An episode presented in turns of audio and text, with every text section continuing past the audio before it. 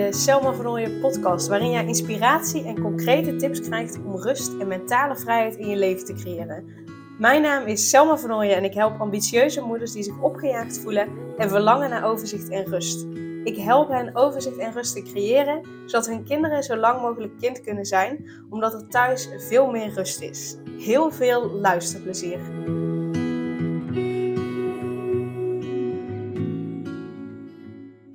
Waar komt onrust vandaan? Of waar komt in ieder geval dat gevoel van onrust vandaan? Ik vond dat een hele mooie vraag om daar een podcastaflevering over op te nemen.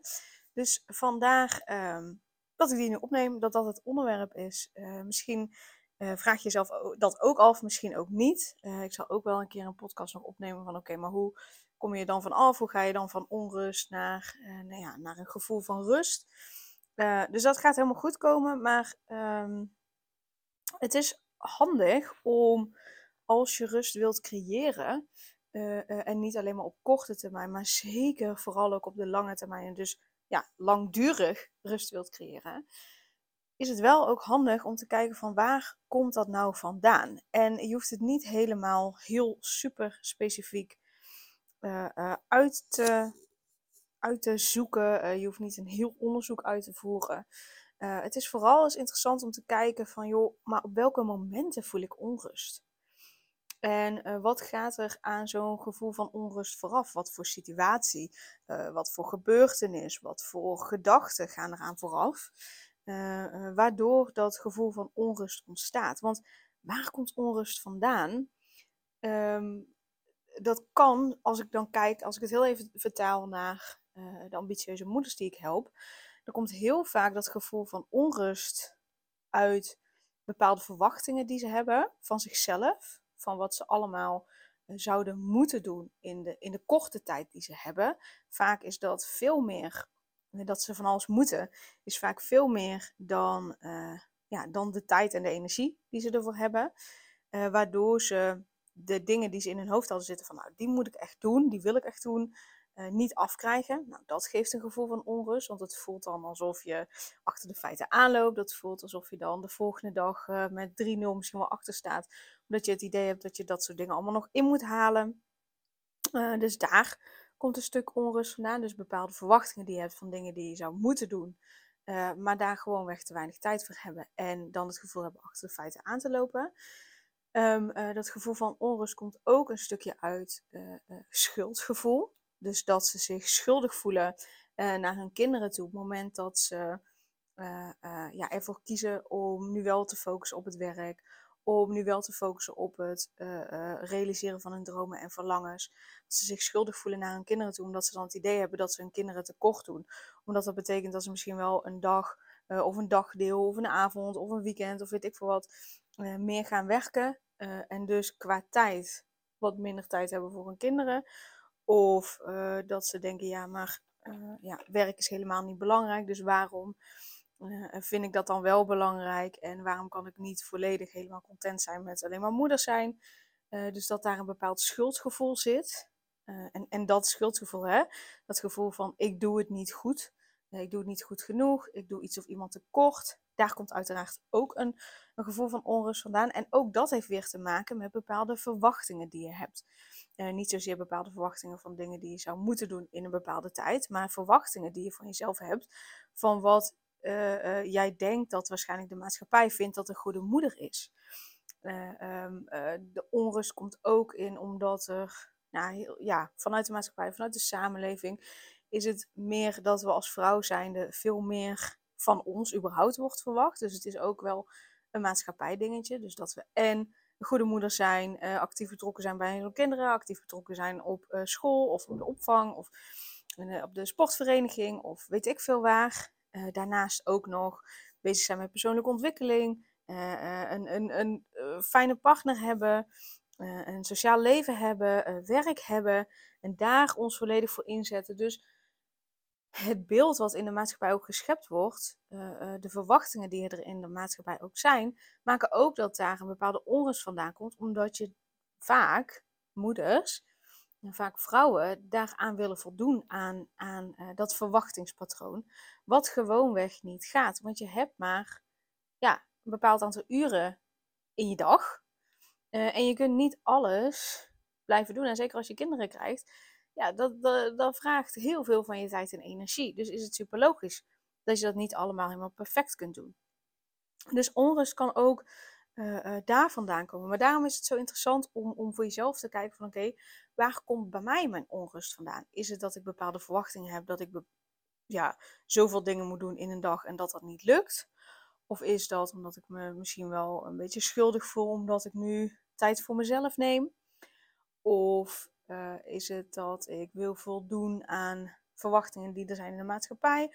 Of is er iets waar ik aan wil voldoen waarvan ik denk dat mijn naasten vinden dat ik dat zou moeten doen? Dus het is voor jezelf interessant om te kijken waar komt die onrust vandaan? Want dit zijn allemaal uh, uh, verschillende soorten oorzaken van die onrust. En um, als je dat namelijk weet, dan kun je veel makkelijker daarmee aan de slag. Want als je weet, het heeft te maken met nou, dat ik verwachting heb dat ik een bepaald aantal dingen doe op een dag, maar daar heb ik te weinig tijd voor. Als dat is um, wat de oorzaak is van je onrust, dan is er een andere oplossing voor jou nodig dan dat je je schuldig voelt ten opzichte van je kinderen, omdat je tijd voor jezelf neemt, omdat je uh, je dromen en verlangens wilt realiseren. Of dat je wil voldoen aan de verwachtingen van de maatschappij of verwachtingen van de mensen om je heen. Dus uh, ja, dat, dat, dat vragen, vraagt, al die situaties vragen andere uh, oplossingen. En die eerste, hè, van nou, ik moet dit, dit, en dit, dit en dit en dit doen op een dag in de tijd die ik heb ja, dan is het gewoon heel, heel praktisch gaan kijken. Ja, hoeveel tijd heb je? Hoeveel tijd kosten die taken die je hebt? Uh, is het realistisch? Nee, oké. Hoe kun je dat anders gaan plannen in je week?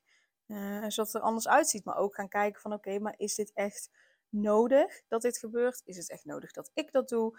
of kan ik ook bepaalde dingen uitbesteden? Of kan ik ook bepaalde dingen gewoonweg niet doen? Um, dus dat, dat vraagt een hele praktische benadering. Maar op het moment dat jij je schuldig voelt naar je kinderen toe, dan uh, heeft dat meer een, een, een, mentale benadering. Dus dan mag je meer aan de slag gaan met je gevoel van eigenwaarde, met je gevoel van zelfliefde. Uh, als de oorzaak ligt in dat je wil voldoen aan verwachtingen van de maatschappij of verwachtingen van, van mensen om je heen. Um, dat vraagt ook weer een andere benadering. En dat vraagt ook dat, dat is een beetje hetzelfde als dat schuldgevoel. Dus dan, dan mag je ook naar het mentale toe gaan. Dus ook naar uh, uh, je eigen je gevoel van eigenwaarde. Want hè, verleen je je eigenwaarde aan, aan de mening van anderen, aan hoe anderen jou zien. Dat is dan vaak, kan dat een oorzaak zijn. dan heb je weer iets anders te doen dan dat het een schuldgevoel is naar je kinderen toe, dat je niet goed zou doen. Um, um, dus het vraagt andere benaderingen, vraagt andere oplossingen. En uh, tuurlijk zou je allemaal kunnen zeggen, ja, het is allemaal mentaal, het is allemaal een gevolg van zelfliefde, bla bla. klopt, maar de oplossing is vaak net wat anders. En door te kijken van, oké, waar komt bij mij het gevoel van onrust vandaan? Wat gaat er aan vooraf? wat voor situatie, wat voor gebeurtenis, wat voor gedachten? Daarmee kun je ook kijken naar welke oplossing past het beste bij mij. Want de ene is al geholpen met dus een praktische oplossing van, van prioriteiten leren stellen en anders leren plannen. En een ander is veel meer geholpen met naar binnen keren en, uh, en naar die oorzaak toe gaan uh, in het mentale stuk. Dus door te kijken naar waar komt het vandaan bij mij, kun je ook makkelijker achterhalen welke oplossing past bij mij.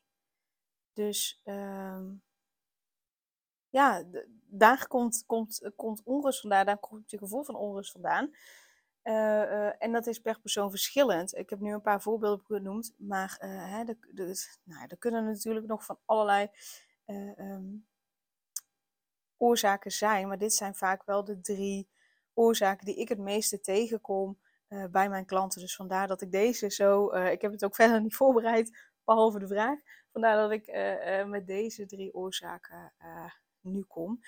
Maar ik wil je dus uitnodigen om voor jezelf echt eens te gaan kijken en eens bij te houden. Desnoods in een dagboekje bij te houden. Hé, hey, ik voel me nu onrustig. Waar in mijn lijf voel ik dat? wat is er aan vooraf gegaan aan dit gevoel van, ehm, van onrust? Mocht het zo zijn dat je nou echt uh, eigenlijk al vanaf het moment dat je opstaat uh, een gevoel van onrust ervaart, dan is dat echt een teken dat je er al veel te lang mee loopt. En dat die onrust, die spanning, eventueel die stress zich zo erg in je lijf heeft um, opgebouwd, dat je lijf het zeg maar niet meer af kan breken, dat je lijf het niet meer af kan bouwen, waardoor je dus continu die onrust voelt, omdat er geen uitlaatklep meer is om het eruit te laten. dus um, als ik aan je vraag van, hey, ga kijken waar je gevoel van onrust vandaan komt, en je antwoord is eigenlijk van, nou ja, daar heb ik gewoon de hele dag door, uh, dan, dan kan ik me voorstellen dat het wat lastiger is om te ontdekken wat nou de oorzaak is, omdat je het dus continu hebt en voor je gevoel er geen aanleiding is. Weet dan dat het dus komt doordat, doordat je er gewoon te lang al mee loopt. En dan nodig ik je echt van harte uit om, om, om daar iemand bij in te schakelen, om daar uh, samen mee aan de slag te gaan. Want als je het zo lang al hebt opgestapeld, dat je dus continu voelt, dan heb je ook meer nodig dan de drie dingen die ik net heb genoemd, om, uh, om daarmee aan de slag te gaan. En zeker Reiki uh, kan je daarbij helpen om de eerste stap te zetten, om ervoor te zorgen dat, dat je lijf eigenlijk een soort uitlaatklep heeft om die stress, die onrust, die, die opgejaagdheid, die er eerst uit te laten, zodat er een, een meer stabiele basis van rust komt. Uh, uh, zodat je weer meer kunt gaan ontdekken en herkennen, hey, hier komt die onrust vandaan. Dus daar mag ik, daar mag ik mee aan de slag gaan. Dus weet dat je dan sowieso ook um, altijd mee kunt doen met de online Reiki-sessie. Ik zal ook de link um, in de omschrijving van de podcast zetten, zodat je daar alle informatie hebt. Uh, weet dat ik 29 januari met verlof ga. Uh, en dus dat nou ja, vanaf dan tot en met mei in ieder geval ik geen live sessies ga geven. Wat ik wel wil gaan doen is voor degenen die een, een strippenkaart hebben en die dat willen, dat ze één sessie maar in hoeven te leveren uh, van hun strippenkaart. En dat ze dan ja, gewoon echt die 16 weken van mijn verlof uh, toegang hebben tot, uh, tot het account en dus tot alle sessies die er al in staan. Dus als je daar gebruik van wil maken, dan, dan neem dan vooral ook contact op.